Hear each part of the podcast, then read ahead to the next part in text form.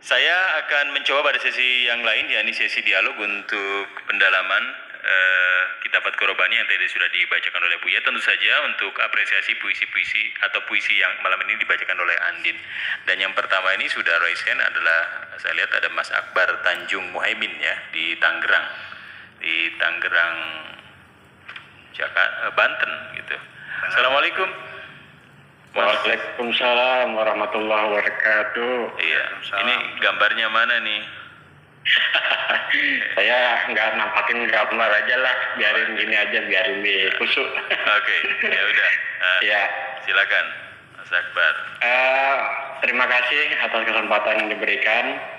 Eh, saya ingin eh, langsung saja ke Buya untuk menanyakan satu hal yang tadi saya belum pahami mengenai eh, mengorbankan dunia dan mengorbankan akhirat. Nah, mungkin kalau mengorbankan dunia eh, eh, bisa saya pahami, tapi kalau mengorbankan akhirat ini yang yang saya masih belum bisa pahami. Mungkin eh, Buya bisa memberikan penjelasan mengenai seperti apa sih mengorbankan akhirat itu.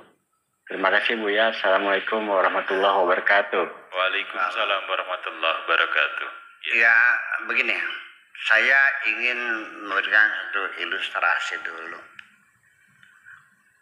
Bahwa selama ini akhirat eh, al-hayat pada hayat dunia kehidupan akhirat setelah dunia ini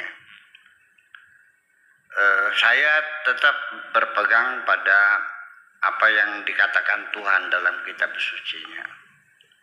Dengan janji-janji Tuhan akan membayar kebaikan manusia. Wa may ya'mal sekecil apa pun sebesar apa pun dibayar. Kesalehan-kesalehan tidak akan disia-siakan pahalanya disimpan oleh Allah tidak akan dilupakan. Innallaha la yudhi'u ajral muhsinin di sana nanti disiapkan Tuhan oleh dengan istana yang megah di sorga ya dengan tiang-tiang lantai berlian dan emas dan perak dan sebagainya. Bidadari-bidadari yang cantik-cantik satu orang itu dapat bidadarinya 70 ya satu bidadari setapnya ada empat. Masing-masing setap punya pengawal-pengawal juga. 40 bayangkan 40 kali 4 kali 70 satu orang. Cantik-cantik matanya blorok-blorok hurun ain.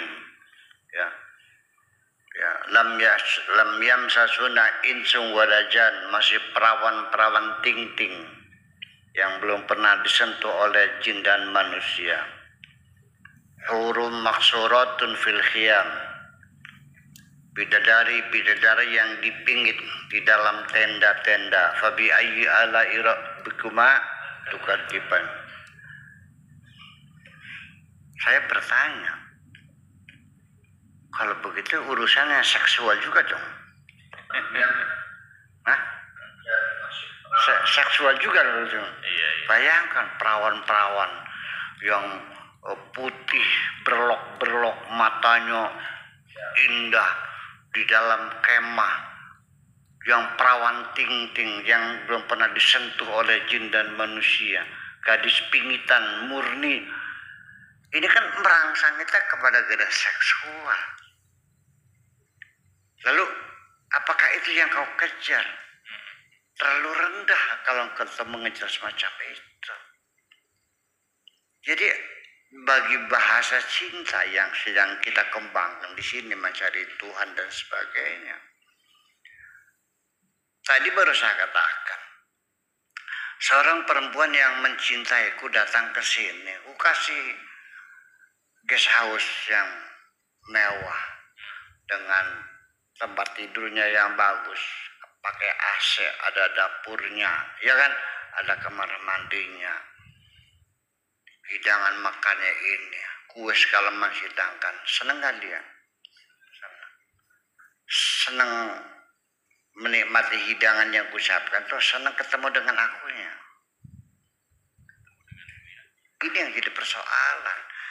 Jadi itu ya kalau ia diserang kekasih yang yang sejati akan korban dia korbankan semua hidangan itu. Nggak ada urusan yang penting aku ber, bisa bertemu dengan kekasihku. Kan begitu persoalannya. Pasal cinta mah nah itu yang jadi persoalan. Jadi mengorbankan akhir itu bukan berarti di, dijual ah,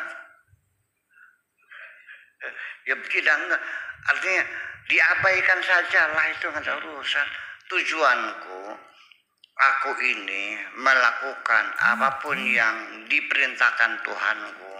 Aku berusaha untuk menjauhi segala apa pun yang dilarang Tuhanku. Bukan karena aku ingin masuk surga. Bukan karena aku ingin badai bidadari. Terlalu rendah sekali kalau aku hanya ingin bidadari.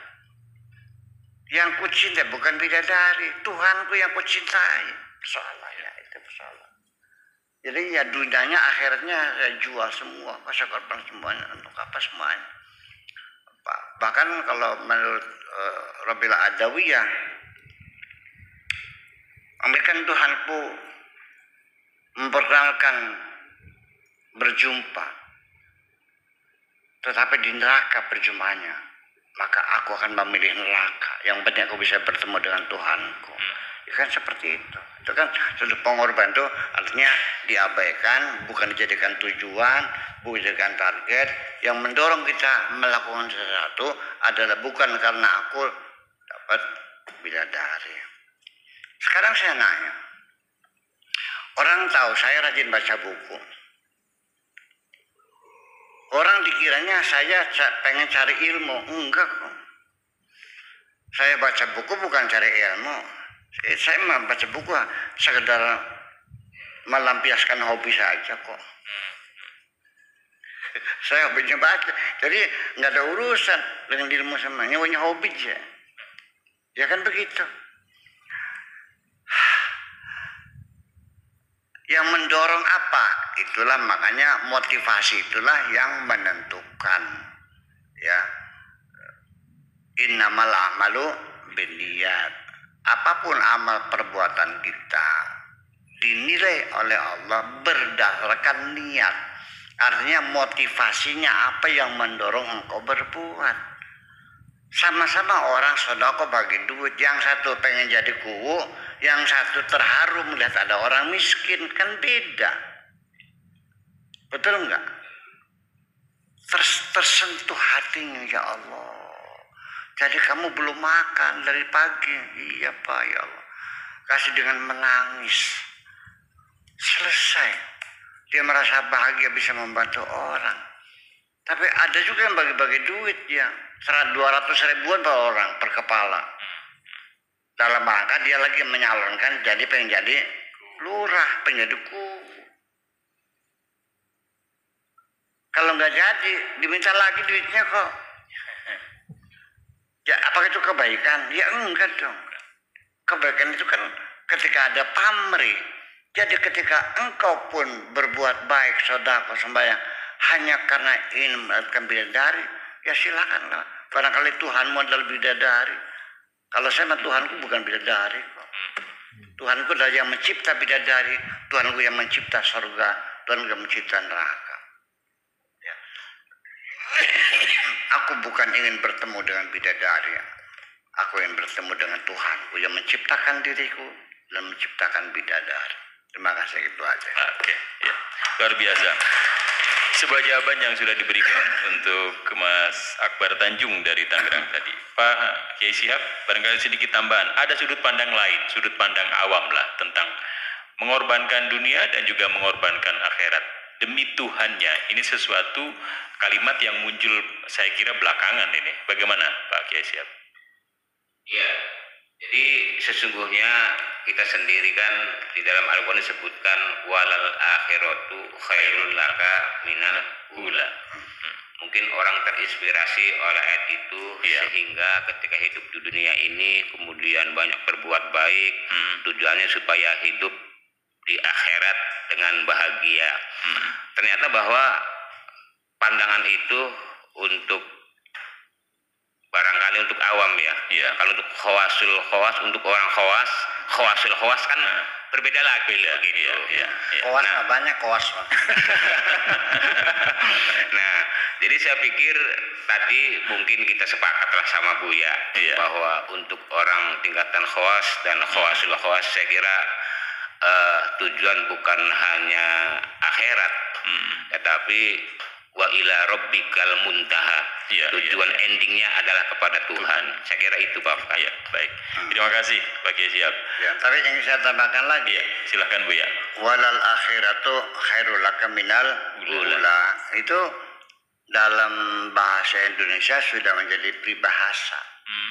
Berakit-rakit ke hulu. Berenang-renang berenang ke ke tepian. tepian. Bersakit-sakit dahulu, Bersenang-senang kemudian. kemudian. Enak tuh nanti di akhirat bukan sekarang. Sekarang mah susah-susah aja dulu. Iya. Nanti senangnya di di Akhirat. akhirat kan sama juga seperti Iya. itu. Kan bahasa itu. Hmm.